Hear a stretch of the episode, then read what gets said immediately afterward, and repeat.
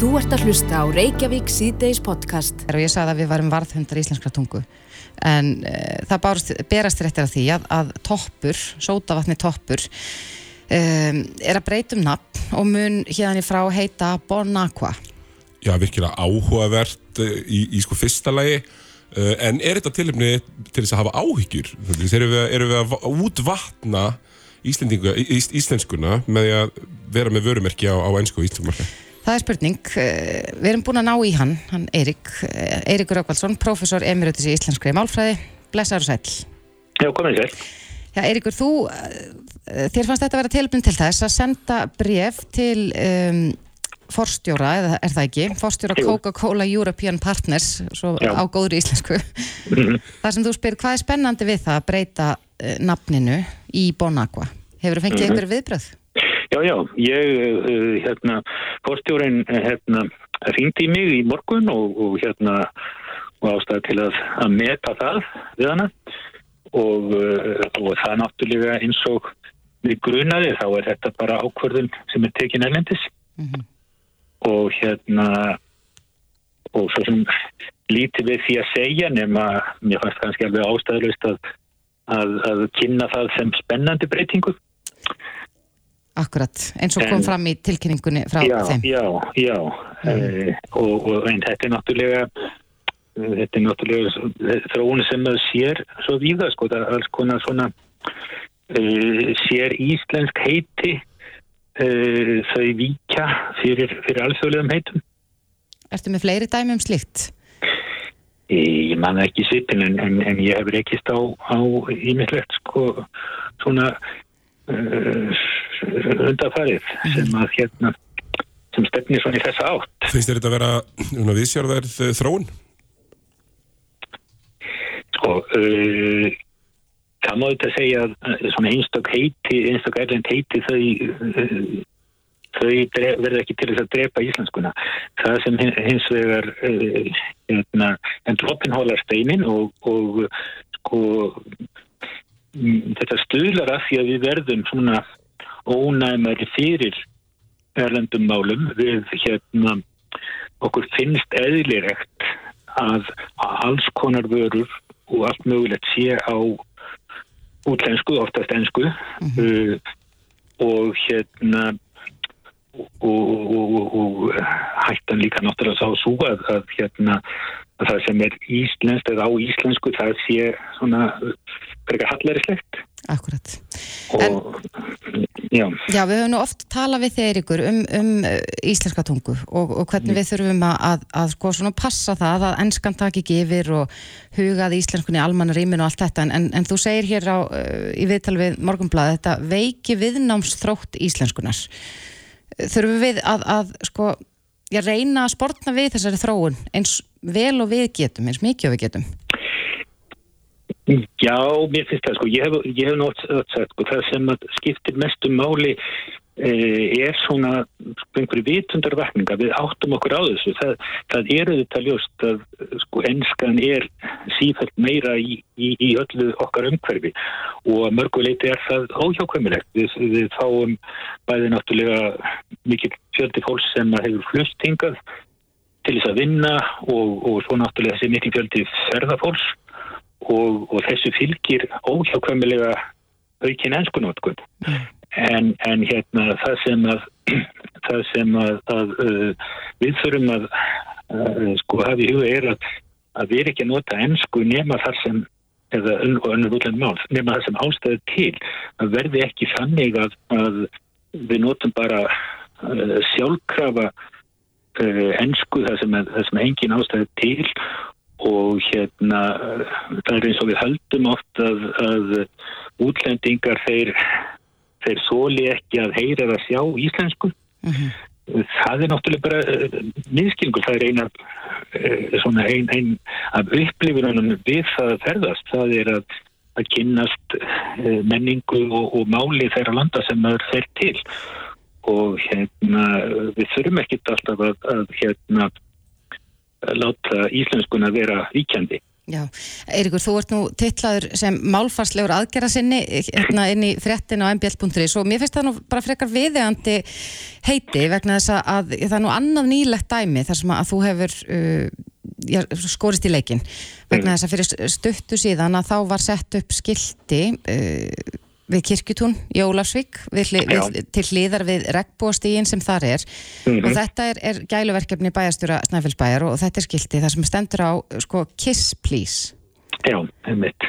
Hefði ekki verið bara upplagt að skrifa eitthvað annað eins og kissist eða kissumst, kissumst eða eitthvað slíkt? Jú, sko mér finnst það og, og ég skrifaði nú, skrifaði nú bæjastjórnum út af þessu.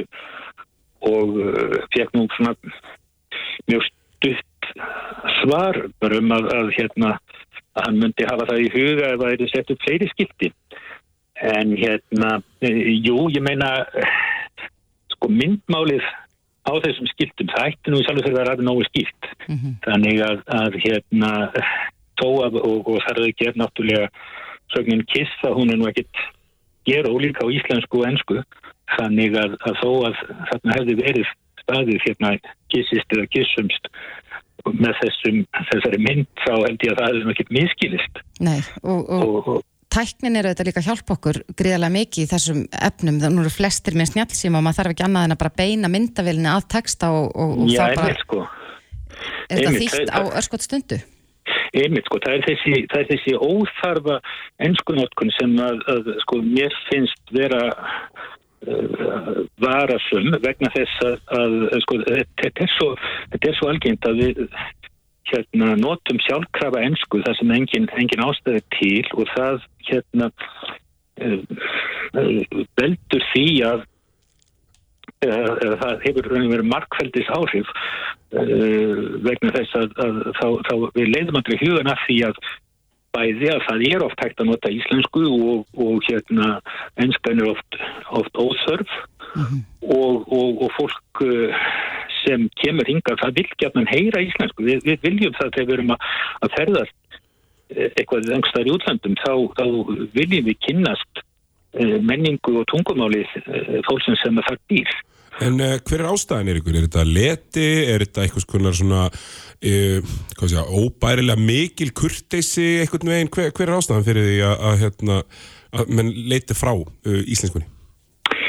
Ég hef náttúrulega velt þessu fyrir mér sko, ég hérna ég, ég held að þessi blanda af, af, af ímsu, sko, ég held að þetta sé hérna sko, eitt af það sem ég oft, oft nefnt, sko, við, við kunnum ekki alveg á þetta. Við náttúrulega vorum svo lengi sko einn tínt þjóð var ekkert af útlendingum hér og við heyrðum uh, svo sjaldan eða sáum útlensku.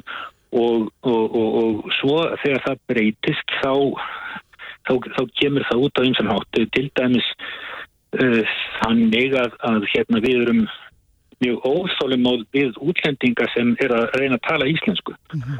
uh, og hérna og svo höldum við að við séum miklu betri í ennsku en við erum.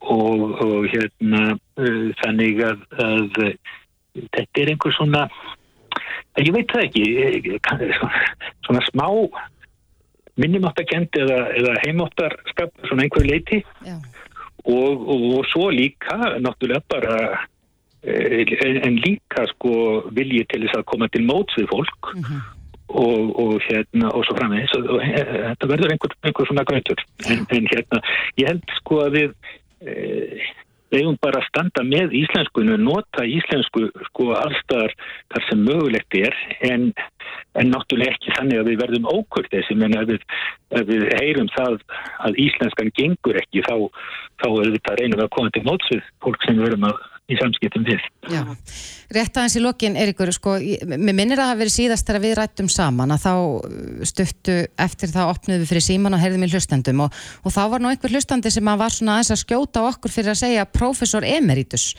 Emeritus er nú ekki íslenska. Ættu við að titla þið einhvern veginn öðruvísi? Ég veit ekki, sko, það, já, professor er náttúrulega ekki íslenskt orð uppálega heldur það kannski, en hérna ég, ég, hef, ég hef stundum sko e, til að mig uppgjafa profesor e, það, var, það var hér áður fyrir sko talað um uppgjafa presta og eitthvað svona og þá, þá merkir það ekki sko að maður hafi gefist upp á starfinu endur hérna að, að maður hafi látið af störfum Já. þannig að, að það til mig gætna að kalla mig bara uppgjafa prófessor. Já, við gerum það hérna í frá. Eiríkur Rökkvaldsson, uppgjafar prófessor í Íslenskri málfræði við Háskóla Íslands og málfarslegur aðgerða sinni. Já. Kærar þakki fyrir þetta. Við skulum bara taka saman höndum og, og, og varðveita íslenskuna. Já, takk. Takk. Þú ert að hlusta á Reykjavík síðdeis podcast.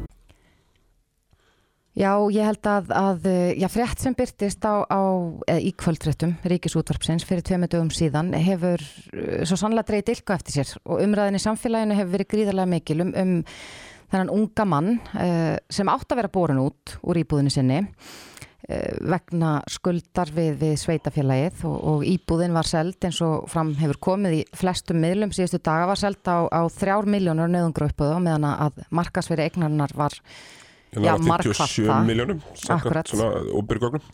Það var nú kannski alveg ágætlega ánægilegt að heyra af því í dag að, að já, þessum útburði verður frestað með eitt mánuð og það er spurning hvort að eitthvað, eitthvað nýtt muni koma í ljós í þessu máli á, á þeim tíma hvort að, að já, salan verður dreyin tilbaka eða hvað, þekkjum það ekki en uh, í gær heyrðu við í henni Helgu Völu Helgadóttur þingmanni samfélkingarinnar Hún sagði okkur meðal annars frá því að við rættum aðeins um, um hérna, embætti e, réttenda gæslumanns fallara. Já, og bara svona hvernig svona mál geti fallið einhvern veginn á milli stafs og hurða þannig að enginn einhvern veginn taki eftir því fyrir næður orðið og seint.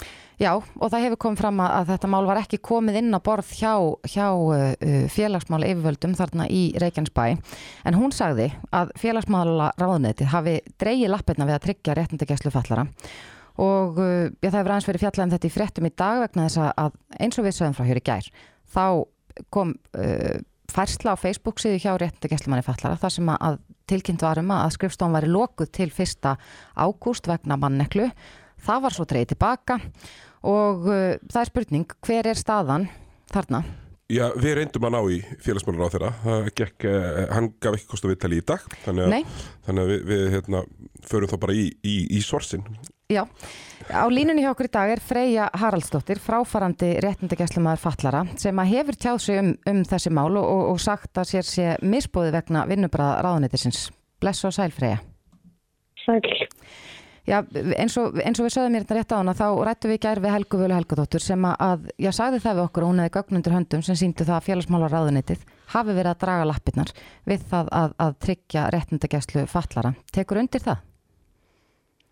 Uh, já, uh, ég held að það er mikilvægt uh, samt að þau eru svona tölum um þessi þau eru bæði búin að ræða mann málefnum mannsins í hérna Reykjanesbæði og málefnum réttanskæslu Mm -hmm. allast fólks og svona að sömuleiti er þetta aðskilum mál en þau tengist þetta ákveðin hátt.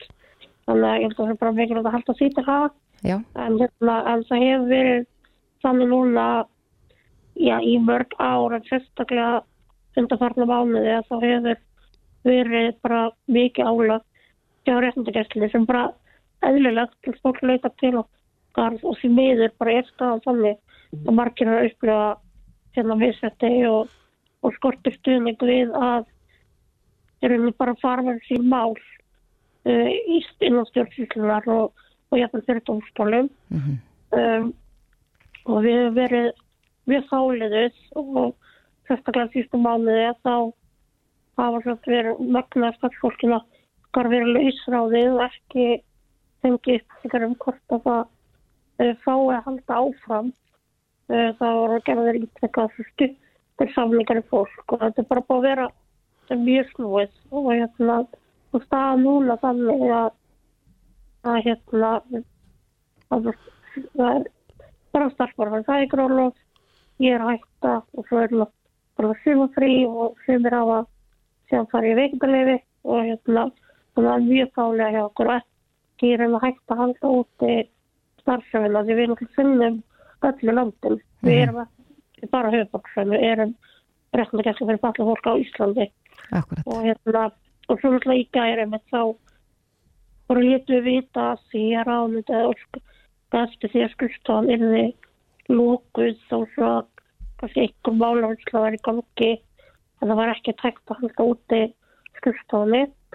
Að þegar við tölkum þetta alltaf frá vikur og þá fengum við harfið bröð frá ráðnefnu sem að er einnig krafðist þess að við myndum ekki bara taka þetta tilbaka en líka beðast afsökunar. Já, og þannig að hérna en nú náttúrulega liðin smá tími frá þessu. Og já, það fundur í morgun veit ég sem ég var ekki á en það kan svona viðtalið við svo Gísur Pétursson sem er núna uh, skilgrandur sem yfirvar réttinsveislar Mhm. að hérna að hann segir að þau að reyna að halda úti skrifstofunni opinni með starffólki frá ráðunitinu sem er náttúrulega undarlegt og hérna og halda úti grunnþjónstu en það er að einum matið kom við loðið hvað þetta þýðir. Þannig að já já. Þarf, þarf starfsfólk með sérhæða þekkingu til þess að, að, að eh, já, halda þessu mikilvæga málaflokki gangandi og, og geta sint ég skildu að gæta réttenda fallarsfólks? að sjálfsög. Uh, við erum hérna hópar fólki sem erum með möttun og sviði eða nokkuð slökkbræði eða, þessi fallsfólk, þróska þjálfar uh, og svo framvegis og hérna og störfin okkar eru bara mjög viðkvæm og kalla á þekkingu á bara hérna réttarstöðu fólks og stjórnsýslinni en líka óhefnum kjálskiptaleiðum viðræðandi aðlögun út af því að við þurfum að tryggja það að vannskjald sem erum aðstofa skilji hvað er að fara fram og geti tekið þátt í því sem við erum að gera og að hún sé að leiða að því við gerum náttúrulega ekkert nefna með samþekki einstaklinga sem leita til okkar. Um, það er líka út annað í þessu að það er ekki bara það að, að hjá okkur um hérna random ráðnýttstarfnum þar er gendilega þekking en það er líka bara svo staðrind að sko réttindagæslan er eftirlitsaðali. Uh, við höfum eftirlit með og gætum réttinda það að fólk skakvart til dæmis félagsjónstu og hérna skakvart þjónstu það til fólk sem að bundin við lögum þjónstu það til fólk með langvarandi stuðningsforfi Mhm. og félagsmála og vinnumarkasándið er í rauninni sko eru stefnumálandi aðilar uh, að þessum þjónstu uh, þannig í rauninni veist, er þeir að fara inn í að til að slutverk með sjálfum sér sem að sem að kemur ekki heim saman. Nei, það er lega mér bara að þetta geti verið faglega unni og við erum alltaf gaggrið það lengi að réttindagæslan á ekki að vera staðsett undir ráðunni það er við skrítið að vera með yfirmann sem að þú þarft í raunin að hafa ákveð eftirleitt með að sé að tryggja þú veist, sí- þú veist, vinna sínum skildum Uh, þannig að það er valda stað sem er ekki góð og við erum alltaf kallað eftir eins og margir að hér verði sett stað óhaldvarðingstofnum og það er líka þessi samlingi því að við rétt allir fólk skilur kröfum uh, það er alltaf alveg að fara að gerast. En það gerist það ekki. Uh, já, en, hérna, þetta eru vongóð. En það er ekki við miklu frekar að vera í óháðu hérna óháðum stað þar sem ekki bundin við stjórnvöld með beinum hætti. Ein, einmitt, ég, ég hérna, maður heyriði af þessu uh, af þessari manneklu, það er nokkru mánuður síðan uh, núna þegar að þegar þið setja þetta síðan fram á, á þegar þe- þetta kemur inn á Facebook síðuna þá er áðurendið ansi hratt uh, bre- bregst við ansi hratt. En hafa verið hins vegar já, allavega með við, með við þennan, hennan þessa Facebook færslu verið lengi að taka við sér hvað varðar mannekluna og þetta greiðlega álag sem er verið á, á starfsfólki. Er, er þetta ímyndarstjórnun? Já, já, ég held að við getum alveg sagt það. Og mér þykir ótrúlega leðilegt að þurfa að, að þurfa að vera að ræða það frekaði fjölmjöla heldur en bara mína yfirmenn. En við höfum ekki náð yfir þeirra og við höfum ekki fengið viðbröð og það er ótrúlega sorglega þannig upplifun mín og ég held ekki alveg tala fyrir okkur sem skrifstofu er að það er aldrei verið jafn auðvelt að ná í ráðnetið uh, eins og þegar við þurfum að, að leita til rauninni fjölmjöla þannig að það er auðvelt að tala við yfirmenn okkar í gegnum fjölmjöla heldur en bara í aðlum samskiptum eins og ég að vera á vinnustöðum. akkurat. En Freyja, eins og þú sagðir aðan að þá er þetta, tvö askilin mál. Það er, er, er hérna embetti réttindi gæslumanns fallara sem að, já, við höfum verið að fjalla um núna. En svo er þetta stóra frettamál sem hefur verið umræðin um þennan unga mann í Reykjanesbæ. Um, ef, að, ef að allt hefur verið gert samkvæmt bókinni, nú, nú er ég bara fabulera og, og réttindi gæslumann fallars fólks hefði verið, verið tekin inn í það mál til þess að aðstofa þennan unga mann hefði verið hægt að hefði þetta mál endað öðruvísi?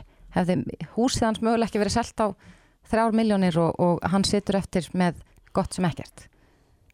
Uh, ég get náttúrulega ekki eitthvað fyrst báð fyrir um hvernig það er endað en uh, okkar hlutverkja á réttinskesslunni er að við kannum mál fyrir viðkomandi. Við sendum fyrirspurnir og kallum eftir gögnum. Uh, þá komist við oft að því ef að stjórnkíslan er ekki að fúkra sem skildi og einstaklega er ekki bara rétt á málsmeðferð.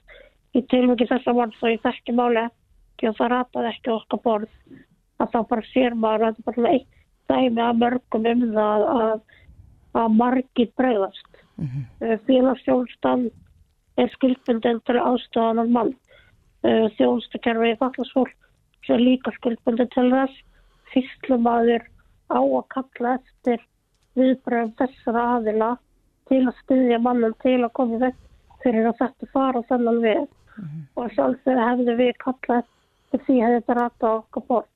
Það er alveg ljóst. Og hérna þá því það sem að lesa í þessu máli sem er sem við bara alltaf algjört er að, að þannig einstaklingur sem að við erum bara ekki að gera sig grein fyrir um, til dæmis að þurfa að greiða okkur hluti og í staðin fyrir að fara inn og reyna að leipina og aðstofan að þá er bara öllu kipt undanum Eru, eru fatlaðir í sérstökum áhættu hópi þegar kemur að því að verða fyrir, fyrir svona, ég hef kallið það óþægilega stjórnsýslu eða svona kannski bara röð óheppilegra atvika eða bara svona eitthvað sem vindur upp á sig.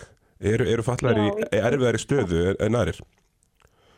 Já og það er náttúrulega þurftur ansóknir sín og það og það og það og fólk er í aðsöndur hópur og verður fyrir kemurslagum viðsætti á hverjum degi og það er með byrtist meðal annars í stjórnsýslinu og það er ótrúlega mikilvægt að við áttum okkur á því að þetta er ekki bara mistök eða óhæfnilega atvik þetta er kerfisbundin vandi sem kemur upp aftur og aftur og aftur mm -hmm. uh, málefni þessa manns er líka sérlega flókja því að hann er líka erlendum uppruna þannig að hann býr við hann er meira útsettur fyrir missetti heldur en hérna ófalla fólk sem kemur frá Íslandi mm -hmm. og, og þarna að kofa inn og þarna getur maður bara séð fyrir sér að séu ótal margar hindranir bæði í tegnslega föllinans félagslega stöðu og svo líka bara tungumál og, og uppruna. Og, yeah. hérna, og það er náttúrulega eitthvað sem að stjórnvöldum ber að tryggja að, að hann fái þá málsmeðar sem að hann á rétt á hann er mannarskjaf og hann býr við mannreikandi og bara hann er aðilega að, veist, að lögum hann á að gæta sömu þetta, það gildar sömu lögum hann eins og alla aðra og, hérna, og hluti af því að tryggja það er að vera vissum að það sé búið að veita það er ofta okkar hlutverk hjá réttunum að tryggja til dæmis þessu svokallega viðegandi aðlöfun sem þýðir reynir bara það að tryggja að að ferli séu aðgengileg og skiljanleg -hmm. fyrir viðkomandi og hann geti tekið upplýstar ákvarðanir um það sem hann er að gera og þannig að hafa bara stjórnvöld auðvitað bröðist bara til dæmis bara hérna leifbyrgarskildu uh, upplýsingagjöð og svo framvegs. Akkurat. Já, Freyja, við getum, náum því mér ekki lengra en eins og þú sagðir í, í hérna Facebook færslunni hjá þér að þá ertu komin í sömafri og myndi ekki snúa aftur til starfa hjá réttindagæslinni. Já, Er, er það út af, af bara starfsaðstæðunum sem að, að, að já, eru þar á þessari skrifstofu? Ekki á þessu ennbætti öll heldur? Það er margar ástæður fyrir því við langar að breytast til og er að fara aftur í nám en það sem kannski gerði útslæðið var í rauninu bara það starfsaðstæður og álægi bara þess aðlega það var bara að hafa áhrif á bara allt lífið og mm -hmm. að vera náttúrulega að geta bara aðskilja hérna fyrir persónulega líf að ykkur leiti frá vinnun og það var bara mjög flókið en það sem ég vil segja var það bara allt upp er að, að það kemur fram í brett hérna viðtalið við það gissur núna áðan að að það sé margir að fara veikind að leiða út að álægi í starfinu og hún langar bara út frá vínubæjandur sig að þá var álægi ekki aðalega fólki í einhverju samstarfi skjólstæðing okkar. Mér finnst það bara ótrúlega álægilegt starf og ég hérna, áhugavert og allt það. Um, það sem er að brenna mig út í starfi er samskiptið við ráðmyndið og það upplifa við séum stöðu til að berjast á bekkunum það að hafa nægt starffólk að geta fyllt starfin okkar hóðlega, sangat lögum. En það er ótrúlega mikið álag. Fólkið í að finnast maður að vera bregðast.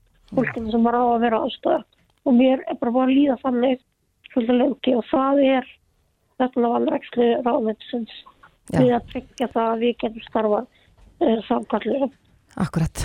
Freyja Haraldsdóttir, fráfarandi réttenda gæslu maður fatlasfólks. Við bara vonum að þú njótir sumarfísins og kærar þakki fyrir þetta. Já, takk fyrir. Þetta er Reykjavík C-Days podcast.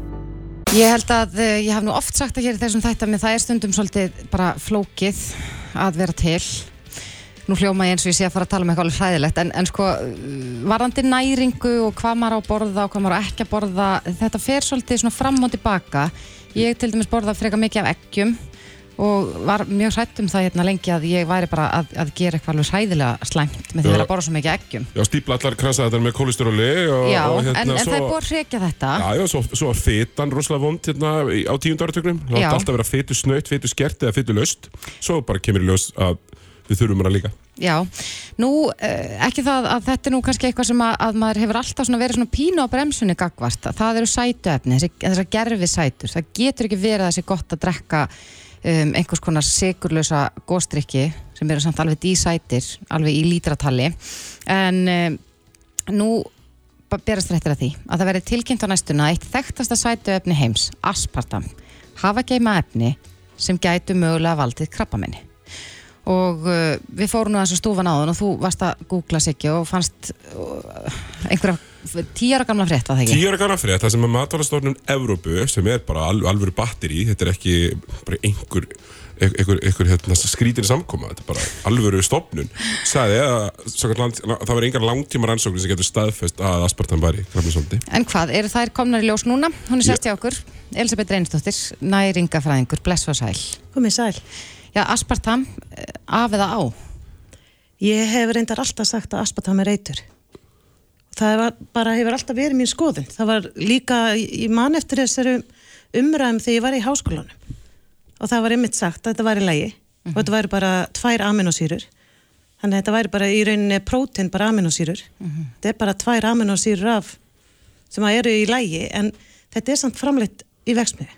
Þetta er vexmiði framleitt efni og hluti af þessu efni breytist í metan, metanól í líkamannum sem er trefspiritus þannig að þetta, ég tel þetta sé hættulegt efni og, og okkur berist að forðast það Hver, hver, hver er þá tilgangurinn að vantalega að gera, gera drikkin sætari? Það eru, það eru til svona nátt, náttúrulegar, náttúrulegar, hvað það segja, staðgenglar. Já, sætuefni, sætu, meiru þá... Sem eru kannski náttúrulegri, en þau eru kannski miklu dýrari. Er, eru neytundur tilbúinir að borga meira? Nei, aspartam er fyrir grótýrt og það er 200 sinnum sætar en sigur. Þannig að það þarf alltaf lítið af því. Já, þannig að getur ímyndaður ef þú ert að búa til uh, matvæli og þarf að hafa hann sigurlösan þá náttúrulega er aspartam hérna góður kostu fyrir byttuna mm -hmm. en jafnvel ekki fyrir heilsuna eins og er að koma í ljós núna Akkurat. og líka það er aspartam með ótal mörgum matvælum að þetta er ekki bara í drikkjum Sko nú eru já, þá stundu verið að tala um það að við mættum vera betur, eða svona meira vakandi sem neytendur, já, að lesa innhaldslýsingar og, og, og finna út hvað við erum að setja ofan í okkur Mm -hmm. er auðvelt að finna aspartam í innhaldslýsingum á matvælum? Nei. Það stendur ekkert bara aspartam með stórum svörstum stöðum. Nei, það getur verið þetta getur heitið svo mörg og svo getur þess að aminosýru verið bara skrifaðar. Já, skipti tvent mennur. Já, skipti tvent. Fenilalanín og aspartinsýra. Og það er rosa, þú bara sér þig ykkur tvær aminosýrur og er bara, já ok, þetta er í lagi. En þetta Já, er aspartam. maður veit náttúrulega ekkert, uh, það er ekki ætlast að ætlast, uh, það hlýtur að vera erfitt að ætlast til þess að hinn er venjulegi neytandi viti bara þetta, þetta séu þessar tvær sýrir, ég meina, ég man eftir að lesa aftan okkur að korflexpakka hefur maður lítill, já, ríbóflavin, það segir ekkert. En hvern, hvernig á fólk að, að bera sig að þá til að reyna hvað, að segja, sneiða, ég veit ekki, sneiða hjá þessu, þessu efni? Ég held við þurfum bara að, ég, ég veit það ekki, vera upplýstari um að þetta sé skrifað á margvíslegan hátt og það þarf að koma, kannski er það ég sem mun gera það, skrifa ykkur að grein hvað er aspartam, hvaða nöpp er það og eins hvað heita þessi aminosýrur. Þannig að fólk geti fara að lesa aftan á matvælinn. Það er alltaf verið að- að leið okkur í ykkur á villur. En eins og segir, þú hefur lengi verið þeirra skoðunar að, að aspartam sé eitur en nú virðist uh, já, virðast aðrir vera að vakna til vitundar hvað Já. þetta varðar vegna þess að, að hér er sagt frá því að, að alþjóðlega rannsóknarstofnunni krabbamennsfræðum sem er hluti af alþjóða heilbrísmála stofnunni uh, ætli að gefa þó út að þetta sé mögulegur krabbamennsvaldur Já. uh, hefur þú séð einhverja rannsóknir eða einhver, einhver skjöl þess efnis að, að já, þetta hafi valdið krabbamenn í, einhverju tilökum? Sko það sem þeir eru að skoða núna er það að það er aukning á krabbaminni ungs fólks Evropi og rannsókn sem ég skoðaði frá Breitlandi síndi það að 22% meiri aukning á greiningu hjá ungu fólki.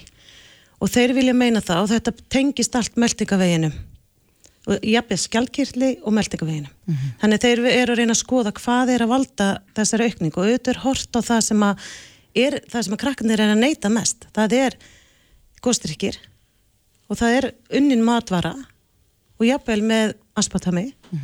Þannig það virðist vera öll spjót sem beinast að aspartaminu þó að sé kannski ekki endilega aðal sökudólkurinn svo held ég að sé líka aspartam í vökvanum á, hjá, í þess í rafsíkaretum Já, og setja sætefni í það. sæta í það.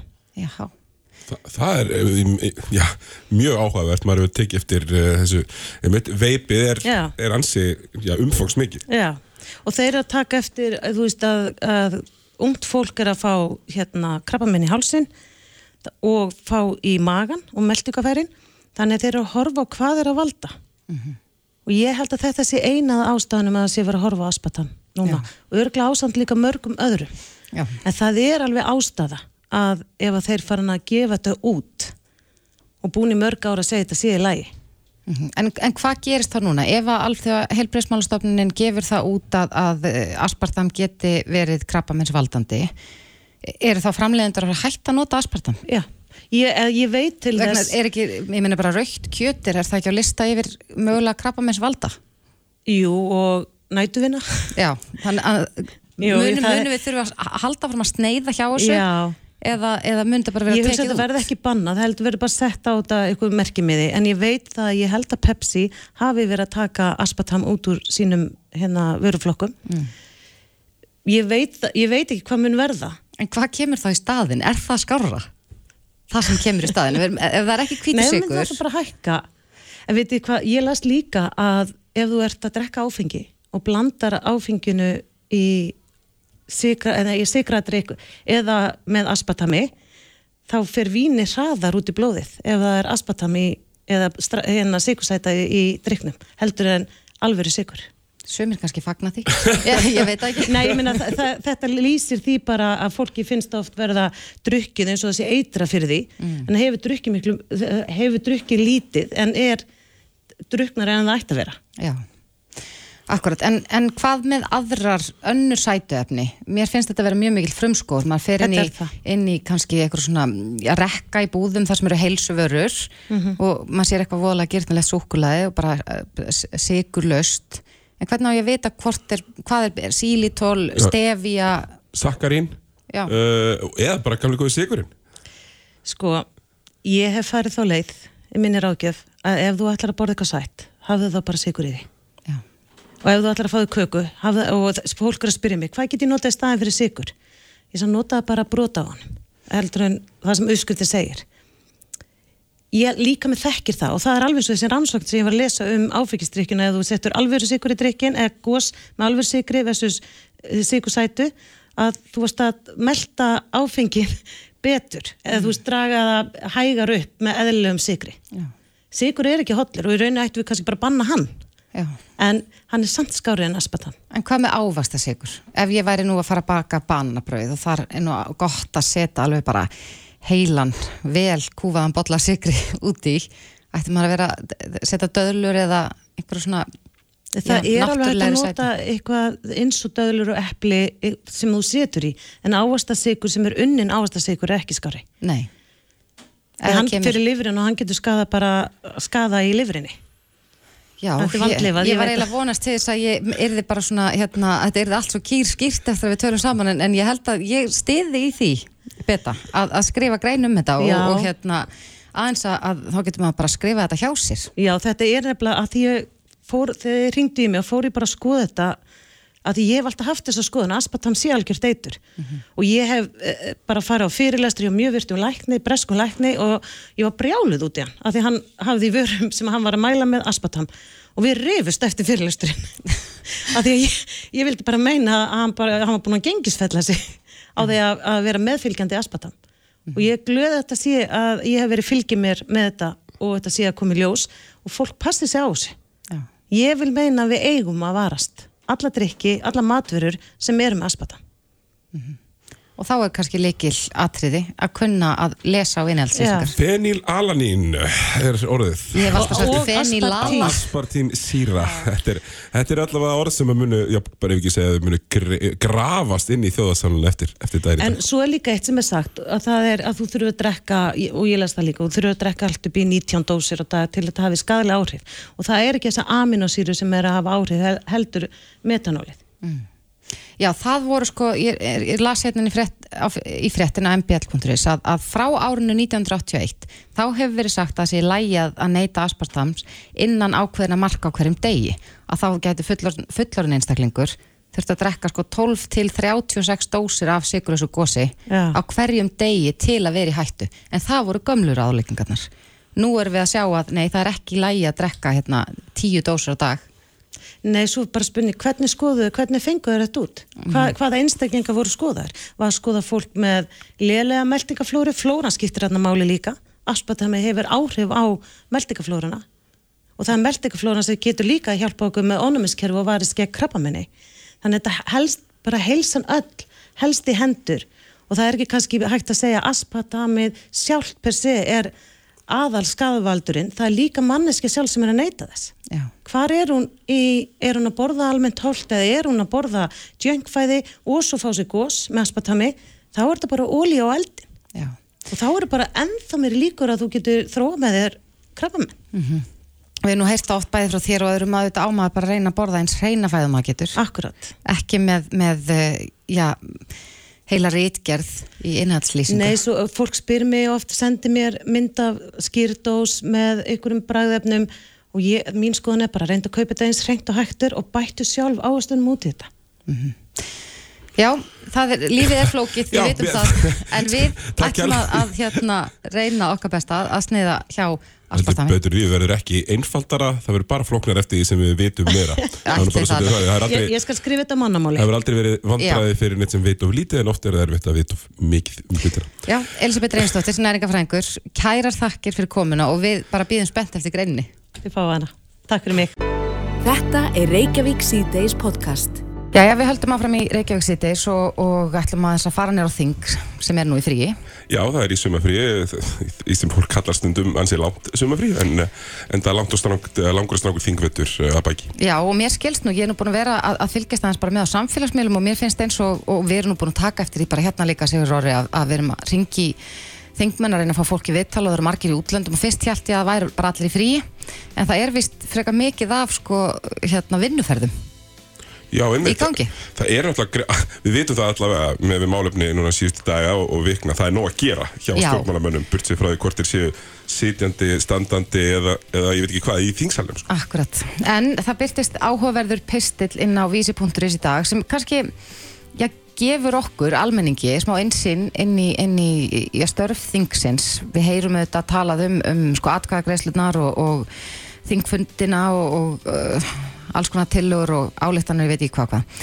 En uh, frekar nýlegur þingmaður er þarna að, að lýsa sinni raun af því að, að setja á þingi. Og já, þetta er ekki bara jákvætt verður að segjast. Og hann er sestur hjá okkur uh, Gísli Rafn Ólafsson, þingmaður Pírata, blessaður og sæll. Sæl og blessuð. Já, Gísli, þú ferð þarna yfir í sko, í sko tíu liðum uh, bara svona störf þingsins og, og, og já, ég er heitið á pislinum er hver bendir á annan þetta er nú búið að vera já, kannski svolítið að milli tannan og fólki upp á síkast eða það er svolítið verið að benda hver og annan það verist eh, engin endilega vilja taka ábyrð á því sem er búið að vera í gangi að undanförni í það minnsta. Er þetta bara lenskan? Já, því miður er það svolítið þannig, held ég bara hérna almennt hjá okkur Íslendingum að við hérna, við erum voðalega sein að taka ábyrð. Nefnum þetta ef eitthvað gengur rosalega vel, þá erum við alltaf til að eiga ábyrðina, bera ábyrðina á því. En uh, við gerum all mistök og ég held að bæði þingi gerir mistök í lagasetningu og, og ráþerrar og embætsmenn gera mistök í, í hérna framkvæmt þeirra laga. Uh, það er enginn tilbúin að bara standa upp og segja, já, herðu þetta voru mistök. Og ég held að sko stundum er það það að fólk tekur ekki ábyrðina sem orsakar það að umræðun og allt verður miklu meiri heldur en í rauninni það hefði ekki orðið ef bara eitthvað hefur sagt ég hörðu þetta var bara ekki nógu vel gert hjá okkur. Nei, að bara taka ábyrð á mistökunum þannig að, að já, þetta er kannski bara svona PR 101 að Já, ég hérna Er er ekki líka erfiðkíslega að, að hérna, laga hlutina ef þú, ef þú tekur ekki ábyrð á mistökum? Jú, þá, þá náttúrulega viltu helst ekki laga þá vegna þess að ef þú lagar þá þá hlýtur að hafa gert eitthvað rátt og þetta er jafnvel sko, í- þegar verið er að senda inn frumvörp til, til okkar á þinginu frá ráðunindunum það er svona, þó það séu jafnvel augljósir hlutir í þeim stundum sem er bara segjum, já en þarf ekki að breyta þessu þannig að þetta sé nú rétt þá er það svona eiginlega, já nei við viljum eiginlega helst ekki viðkynna sko að við höfum gert eitthvað mistök að hefur við sendum þetta til ykkur já, Þetta er uh, svona ekki alveg þau vinnubröð sem það kynnist uh, þegar maður er búin að búa elendist mikið og, Nei, nei. og, og vinna annar staðar að, að hérna, það er jafnvel sér maður stjórnmálamenn taka bara ábyrða á því sem þeir gera og Já. segja af sér jafnvel strax og koma svo bara nokkru mánuði með árun setna og þá er allir búin að fyrirgefa. Akkurat. Þú ert auðvitað í, í ge- gefur auðlega, þú ert þingmaður pírata og, og e, þú ert búin að setja núna í hálft kjörtjumbil um, þú segir hér að, að sko, það við erum ofta að heyra um samráðsgátt og að samráð við hitt og þetta og það eru alls konar starfshópar og, og, og svo litið kannski búið að gera grína fjölda starfshópa að undanförnu. En þú segir að samráð við lagasetningu sé bara til sínis hvað áttu við með því? Þessi áveg með því er að, að það er búið til ferli að uh, frumvörp og annað er lagt inn í svo kallega samræðskátt og uh, það koma fullt af aðtóðsendum inn uh, uh, hagsmunnaðilar og aðrir uh, félagsamtök og einstaklingar geta sendt inn umsagnir. En það er mjög fáar af þeim sem oftast rata síðan inn í það frumvart sem við fáum til þingsins í þinginu sendum við síðan aftur út til umsagnar og líða einhverja vikur og við fáum tilbaka umsagnunar en það er alltaf hlustað heldur á jafnvel góð rauk e, og þetta er það sem að í, í fræðunum er kallað bara síndar e, samráð. Er að það er verið að láta lít út eins og um samráð sé e, til staðar en í rauninni er ekkert verið að hlusta á það. Nei. Erstu með eitthvað dæmi um, er einhver mál sem er þér svona ofarlega huga? Við erum alltaf að tala um samráðskattina og, þar eru oft sko mjög margar umsagnir, sérstaklega við kannski mál sem eru, eru er mikið deiltum. Ég við, bara gott dæmi sem að við bendum ítrekka á var hérna í vor þegar við vorum að ræða ansi mikið um, um hérna útlendingamálin að þar komu 19 umsagnir inn til þingsins 17 að þeim bent á að þarna væri kannski um stjórnarskrár eða mannréttindabrót að ræða. Og við þrý, þrýstum á það að það er því fengin úttekt á því. Er, eru þessi 17 umsagnar aðeinar að segja rétt? Það mátt ekki tekka á því. Og þetta er bara svona eitt dæmi af mörgum um það sem að jafnvel þó að þessi ítrekka verða að benda á eitthvað í umsögn eftir umsögn eftir umsögn eftir umsögn þá bara ráðneiti eða, eða ráðherrar búin að ákveða við ætlum að fara í þessa átt, við ætlum að gera þetta svona við erum ekki tilbúin að hugsa neitt. Það gerist einstakasinnum inn í nefndunum, þetta er ekki eins og það er aldrei hægt að alhafa, en það gerist einstakasinnum inn í nefndunum að nefndamenn átt að sjá því þarna sé nú bara ansi góð aðtúasemt sem að ætti að taka til. Í til og það er svona detta inn ein og ein en því miður, meiri hlutina þeim er, er hreinlega ekki gert neitt með?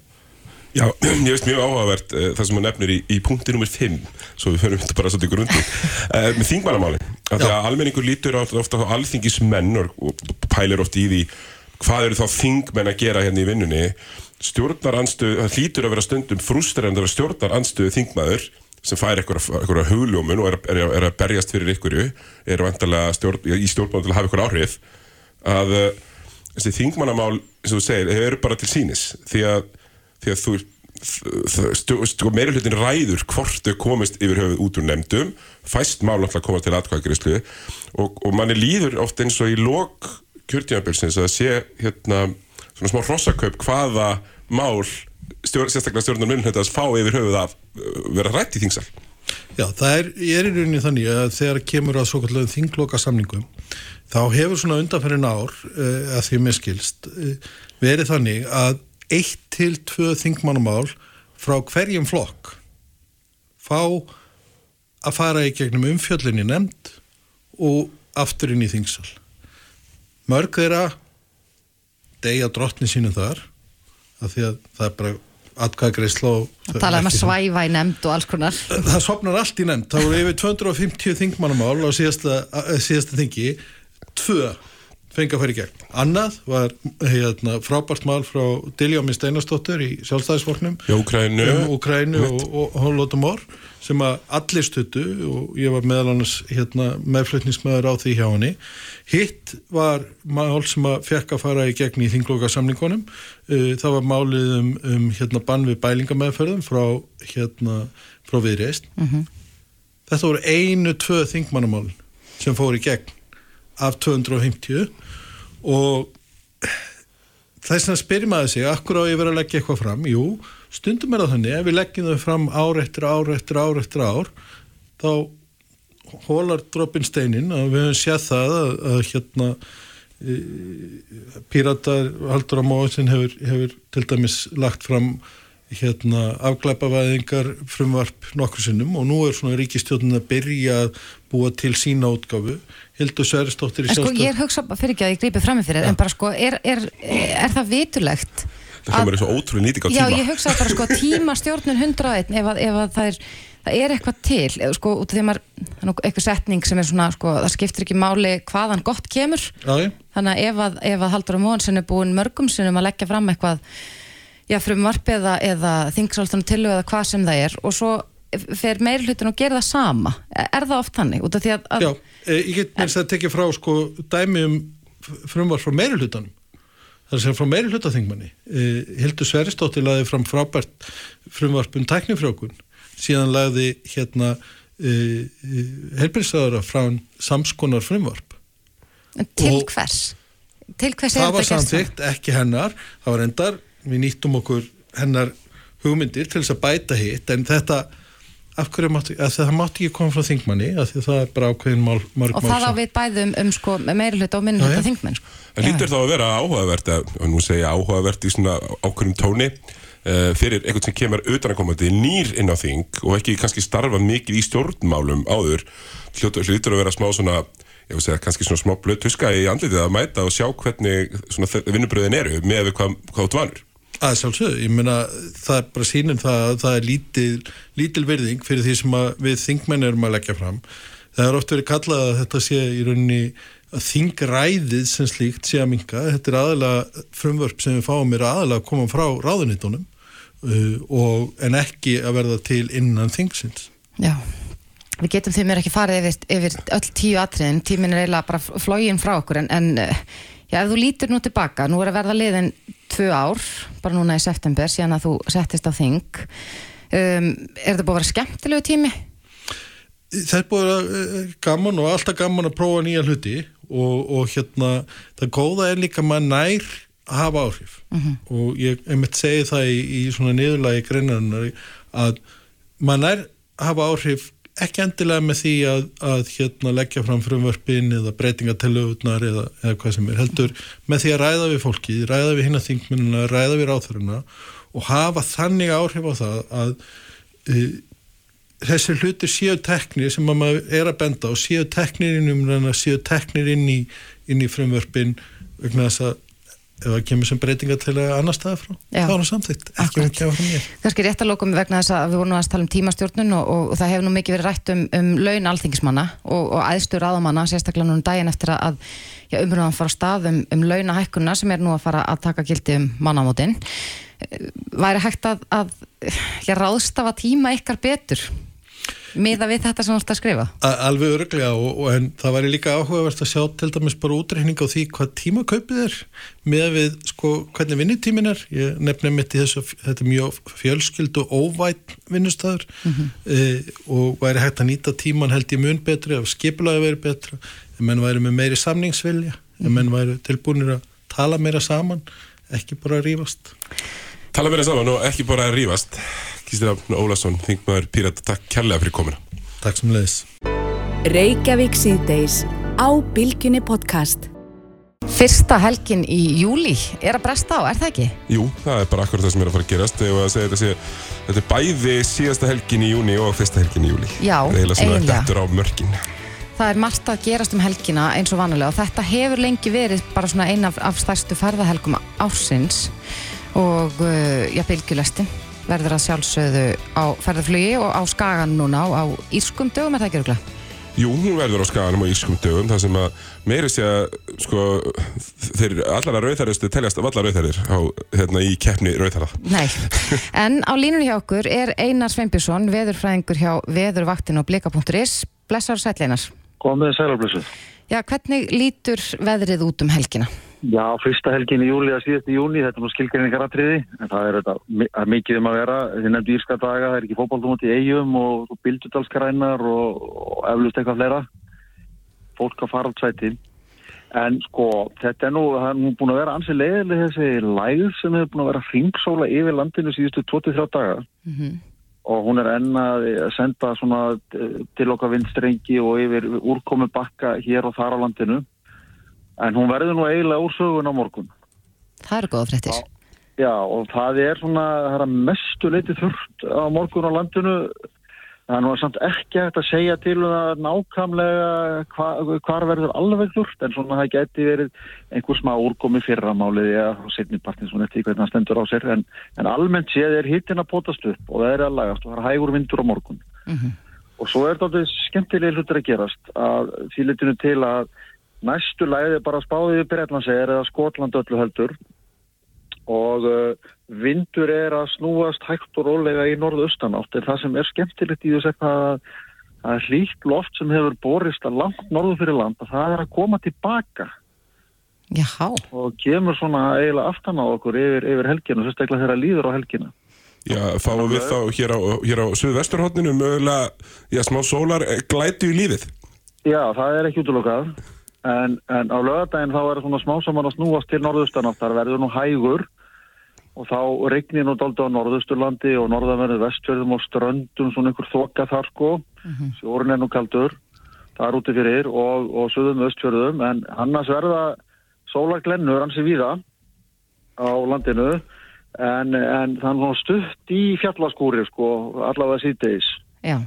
Á lögadeginum, en svona myllt og gott veður og, og, og hittin svona 10-15 stig á landinu nema kannski alveg við sjá að síðan það sem að vindur stundur bynt á sjónum sko. Akkurat, það er nú búið að vera ansi hvar, hvast hérna síðustu daga allavega hér á, á höfuborgarsvæðinu en þú Jú, segir að, að þessi lægð er að fara að já, læðast framhjá. Já, hún fer svona mestuliti framhjá og fer yfir, yfir skotan og færiðingana frekar. Já, þeir eru nú gott að því. Já, já, þú segir okkur, en ég veit það ekki, en, en allavega, en, en síðan sérst á sunnudaginu, þá er, er, er svona norðustanáttin heldur að færast í aukana, verður svona orðin strekkingur, sérstaklega frá liður og mesti vindurinn kannski yfir vestfæra kjálkar og norðvesturluta landsins, Mm en, en ekki fyrir en þá eftir hátdegi og, og setnipartin sko, sem við fyrir að finna fyrir vindurinn, og þá fer nú líka þetta klíja loft og norðustri að færa sig yfir landið. Mm. og þá er spá sko 15 til 17 stöði hitta suðvestanlands. Og einhverju sólfari, kannski háum skíum eða sól og, og ágætasta veður nema um austanvert landi verður einhver sutti eða rigning með köflum. Já, ég ætla nú ekki að segja gott á þau þarna fyrir austan en, en, en uh, já, þau eru allavega búin að fá gott veður meira, eða betra veður það sem afir sumri heldur en mörg já. önnur landsvæði. Það það er aldrei um liðið frá því að góðu köflin var það sko. Já, Það er ekki, var, ekki, það var ekki alveg í gær og, uh, og það, það var nú allir gott, það finnst nú allir gott að fá, fá pa- part af góðu veðri sko. Og síðan er, sko, síðan er að sjá á mánundaginn og þá verði þetta lýja loft og norðaustri sko yfir sunnan og vestanveru landinu, norðaustanátt og bæði lít og, og, og bjart og, og, það gæti orðið hvað best, einna besti sumardagurinn söðu vestanlands. Já, ég, frábært. ef, að, hérna, ef að þetta gengur allt saman eftir. Og er, heyrir Akranes þarna undir? Við erum að að fara að ferða flugum helginu þetta að, að bylgjulastin verður á Akranesi og... og Já, já, Akranes er, er, er hluti af söðu vestanverðu landinu, það er alveg klart Já, já. En svo er líka hérna, eh, ég held að, að mér líður eins og nánast eh, hálf þjóðin sé í vestmanni vegna þess að það er reisastórt íþróttamót í gangi, fótboltamót. Já, tók heldur betur vel á mótið en vindurinn í, í vestmanni. Já, Já, þeir, þeir, eru, þeir eru sannlega búin að sjá það og nú, nú skána bara verið eftir, eftir það að, að það, það, það er nú sko það er nú eins og fallegasta tónlist í þeirra eirum að heyra að tala um norðaustanátt því þá eru eigarnir í skjóli. Já, já, og eigarverðið það er, það er besta áttin þar sko. Akkurat. En sko einar, að- að það verður bara, að bara ágætast að veður þó að ég geti nú ekki sagt að það verður kannski alveg þurft allan tíman en svona mestu þurft nei, við erum farin að vera öllu vön þannig að, að smá væta uh, skemmir ekkit endilega fyrir. En uh, sko einar, þú auðvitað rættir við okkur hér fyrir einhverju síðan þar sem þú varst búin að spá fyrir um sko næstu, eða bara fyrir sumrinu. Er, er þessi spá að rætast eða er þetta, og Já, verra. sko, ég, ég var svona meira að tala um, um júnimánuði í heilsinni já, nú, nú er hann að, nú er honum að ljúka og ég held að þetta hafi nú gengið svona þokkalega eftir en við sjáum það nú bara þegar að mánuðunum er lokið og kannski tekum maður það saman en, en svo var svona uh, þessi síðasta spá sem var aðgengileg fyrir júlimánuð hún var svona daldið út á söður sko, ekki mikið á á hönd á festandi en En, en það er víða um uh, hvað sem norð, á norðkvæli jarðar sem að við erum með nokkrum, nokkrum förðum sko. Og það er svo mikið fyrsta sinna sömur það hefur verið svona undanfarin, undanfarin sömur sem að að verið alltaf afbreyðilega heitið þær en ekki alltaf á sama stað. Hvað veldur því? og já, það er nú bara spurningum það hvort að eh, svona einhver, eh, einhver byrtingamönd loslasbreytingana sé að koma þarna fram. Mm. að valda, valda, valda því að það er meira öfgar í sumaröðaráttunni og, og, og það er líka sko hann hangir meira í sama farinu. Get, get, get, getur við sagt sko. Já. það er, klár, það er klár, klár, klár, klárlega einhverja breytingar í okkur. Svo er mjög sérkennilegt að sjá þessar líu tungu ná svona norðarlega alveg norður og norðustu Grænland og koma svo aftur tilbaka og yfir okkur Já, þannig að þetta allavega hér á suðvesturlandinu þá getur fólk átt möguleika á því að allavega, já, vonast til þess að rífa fram grillið á, á mánudaginn. Já, já, já, ég fylg fyrr, ég fylg á sunnundaginn en, en, en málega það þegar að þó að fáum svona lít loftu norður í að þá fer það yfir haf og það kólnar í legstu lögum þannig að þeir sem eru áveður, svo þeir fá bara þokuna. Síðan, þetta er eins og sko eins og í sunnanáttinni fyrir norðan að, að við fáum rigninguna fyrir sunnan en svo norðan heiða þá, þá mókast líjandi niður sko, Já. það dælastu niður þannig að nú er þetta svona með aðeins öfumum brakt Akkurat. Já, en þú segir að, að veðurspáum fyrir júli mánuð er svona svolítið út á söður, þá kannski fáum við bara heyrið þér aftur þegar að, að já, Já, það liggur aðeins betur fyrir. Ég ætla nú að fara að henda Já, mér í sumarfrí og svona, það er gott að vita hvert ég á að fara. or- Orða þannig, ég hef ekkert verið að skoða þetta uh, undanfarnar viku sko. Nei, ég nei. Já, en, en Einar, þú ert stattur fyrir norðan, eða ekki? Ég er í skagafyrir Já, þú ert í skagafyrinu. Hvernig er, er Já. staðan hjá þér núna? Ég hefði það, hér er lágskíð og sutti eins og er, það var fyrirtagsöður í morgun og það er um tíu, tíu stiga hitti og, og ágætast af útífistæðiður sko, ekkit undan þessa kvarta. Nei. Við sendum bara bestu kveðjur í skagafjörðin. Einar Sveinbjörnsson, veðurfræðingur. Kæra þakki fyrir þetta. Takk, takk, takk. Hlustaðu hvena sem er á Reykjavík C-Days podcast. Jú, uh, Þordís, nú ert þú mikil útivistar kona, meiri heldur en ég og kannski allavega hvað var það að hlaupa?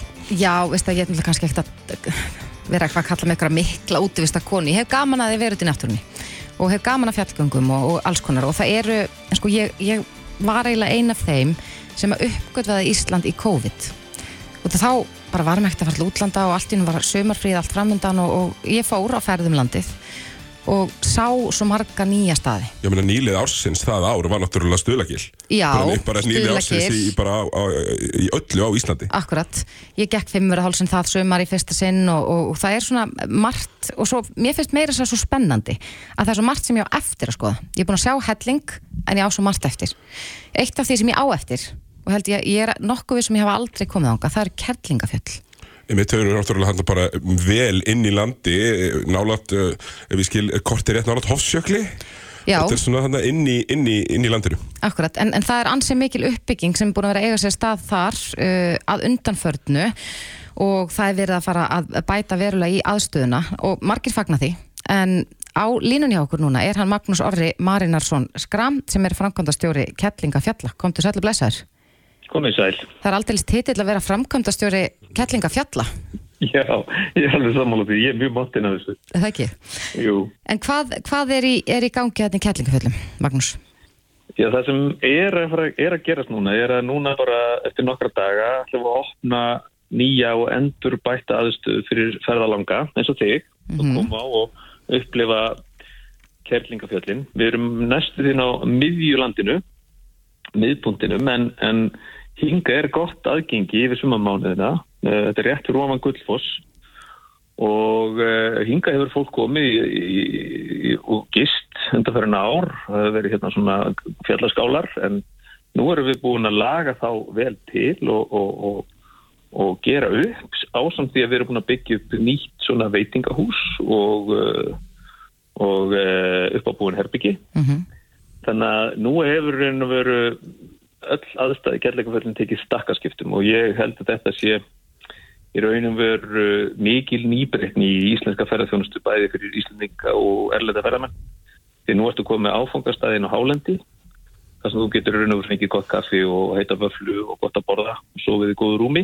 Mhm. En þú getur líka eh, sofið bara í tjaldi vegna þess að við erum í raun og veru búin að taka alla aðstöðinu gegn. Þannig að við erum að gera nýtt tjaldsvæði, nýtt tjaldsvæðis hús. Við erum búin að laga til söpbugaðstöðuna og svo betri herbyggin þannig að við eh, viljum meina að allir eða öll getum við komið í kærleikaföld. Hvernig gengur að svona halda alltaf tímalínunni og stemdi, stemdi að ætlaðu að opna í, í, í sumar? Gengur það eftir? Já, já, við ætlum að opna núna 1. júli, alveg þetta. Já, það er bara dagar í það. Já, já, og það er hérna, held ég milli, ég ætla þessi ekki milli 70 og 90 uh, manns á svæðinu núna að, að gera og græja og gera tilbúið. Þetta hérna, við fengum svolítið erfitt vor og það hægði aðeins á okkur en, en þetta lítur mjög vel út og, og hérna núna í júlumánuði uh, hlökkum við til að taka á móti fólki yngur upp til það er tilvælega að renna bara í dagsferð upp í kærleikaföll og fá sér vöflu og kaffi og, og sjá ný húsakinni margir eiga góðar minningar fyrir fjöllunum því að það er mikið að fólki svona á miðjum aldrei sem lærið á skýði í Kjellingaföllum á sín tíma og enda er Kjellingaföllir eiga sér mjög merka sögu þannig að svolítið gaman að miðla því sko. Hér er má eiginlega segja þessi upp af fjallamennsku í Íslandi því að Guðmundur í Miðdal, Pappi Errós og Ara Trösta hann var hér með fjallamennsku námskeið á fjóraðaratökum já, já. svo var, var reist í ferðarfélagi hér eh, fjallaskála og svo var svo reikinn skíðaskóli. Og svo var svo reikinn ferðarþjónustu og nú er eiginlega kannski fjórða, fjórði fasi uppbyggingar í gerðleikaföllum að hefjast. Með þessu, þessu mannvirkjum sem við erum að, að taka hér í gegn og reysa ný. Já, en Magnús Orri, nú, ég, ég og Sigur Orri voru nokkuð aðeins að ræða svona um, um ferðamennsku og, og íslenska náttúru okkar að millaðan og það er stundum svona pínu hérna, já kannski rempingur í okkur Íslendingum að að svona neini, við þurfum ekkert að vera að bæta aðgengi, þetta er bara ósnortin íslensk náttúra, ekkert að vera að tróða einhverjum hótelum hér og þar, hvernig, hvernig hafa viðbröðin við þessu verkefni verið? Hafið þið heyrt gaggreinsrattur um, að, um að, að þarna verði mikill átróningur eða eitthvað slikt? Já, ég sko, auðvitað, maður hefur marga fjörun og sopi í þessu og, og ég, ég skil vel alveg ótta fólks að mörgu leiti en, en þess, þess vegna höfum við raun og vandan mjög vel til verka þetta. Í fyrsta lagi er að framkvæma á svæði sem var nú þegar raska. Þannig að hér var í raun og voru byggingar. Við erum hins vegar búin að taka þær allar í gegn, við erum búin að setja nýtt rótróarkerfi, hreinsistöðarkerfi, hérna er flokkurn og rausli sem ekki þekktist áður og, og svo framvegs og framvegs og framvegs. Við erum líka mjög meðvitað um allir, eða öll eiga geta komið í kettingafell. Þannig að hér er líka mjög endurbætt aðstæða alveg sem að hvað við setja mikið peningi í, í gistinguna. Það getur komið í kettingafell. En allir eru að borða það í sama matsalnum og staðrendin hins vegar svo er að fólk vill í auknum mæli fá betri þjónustu og þá við um Íslandinga sem útlendinga. Fólk kannski er ekki jafn spennt fyrir því að áður að sofa í flatsængum þar sem allir sváu á sömu dínunni en uh, nú er, hef, leggur fólk upp úr aðeins að geta haft aðeins betra og, og, og við erum að mæta þeim óskum en það sem gerist líka er að, uh, að, að það eru viðkvæm svæði hérna í kring, kærlingafell eru friðlýst. En við erum um leið að leggja mikið upp úr því að bæta í raun og veru aðstöðu innviðana. Við erum að merkja gönguleiði, við erum að passa upp á að skiltin séu góð og við vorum til dæmis í síðustu viku í samstarfið forlægið og Íris Maristóttur að að gefa út bók um kjærlingaföllin sem eru raun og veru á að hjálpa fólki að upplifa hitt friðlista svæði. Þannig að við erum raun og veru að, að, að bæta aðstöðuna, bæta þjónustuna en líka mjög meðvitið um það að vera stíga varlega til jarðarið hvar er fólk er að ferðast og hvernig það ferðast og hjálpa fólki í raun og veru að passa upp á það svo vel sér gætt að viðkomið náttúru og ég, ég held að við séum að, að við, við erum að mista kost að reyna það mjög núna að stíga varlega til jarðar í þeim öðrum. Akkurat, en, en þannig að það er ekki bara eh, einhver luxusgisting sem að býður og, og sem er kannski ekki endilega á allra færi, heldur verður eitthvað, já þú talar um skála og svo er þetta, þetta hægt að tjálta og fleira. Já, já, sko nú er bara verið að þökuleggja, ég vil meina þetta verði eitt af það allra flottasta tjálsöðanandinu, hérna er búið að setja manir og setja lítil hól, ég sitt bara hérna núna og horfi yfir þetta. Og þarna er lítil jökulás sem rennur fram hjá, þetta verður alveg frábært að taka um bútið fólki þar, innum tjálsæðir og gömlu nýbunnar sem margir þekkja, svona A-hús sem voru með enginandi fyrir kærleikafætt, þeir eru búin að setja þau og búið til svona lítið fjallafork kringum þau, nýtt tjálsæðishús þar sem eru þjónusta og fólk getur hérna, farið í störtu og, og svo framvegis og svo er hægt að kaupa gistingu hér upp í kærleikafætt alveg upp í mjög fína gistingu en þú getur líka komið í kærleikafætt fyrir 2500 krónur þannig að það og svo bara getur þú annarkot elda matinn sjálfur út í skálum eða þú getur komið inn á veitingastæðin og fengir hambúrgar eða kjötsúpu eða fisk Já.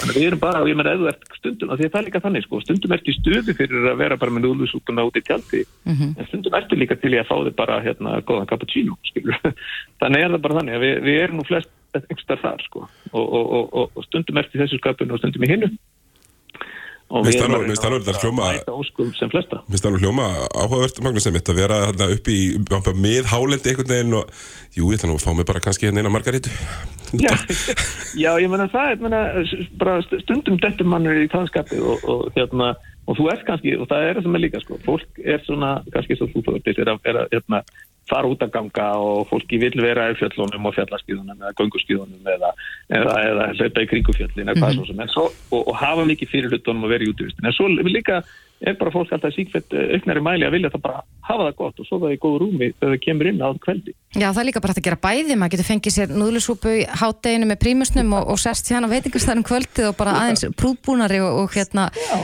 já, látið einhvern elda fyrir sig.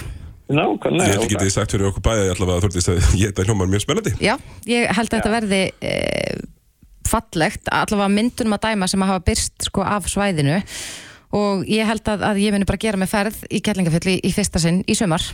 Já, flott, verður velkominn hér er bæði gömul náttúrulaug sem hægt er að bæða sig í sumar og svo muni hér í höst verða nokkur heitir ploppar en að líka við bygginguna. En við erum ekki síður að horfa til þess að fólk getur komið inn, inn eftir á vetuna sem er algjörlega stórkost upplöfum. En, en þá er spurningi sko, ekki- e- e- kemst maður þangað á, er þetta fólkspíla fæst eða þarf maður að, að, koma með einhverjum risa jeppum?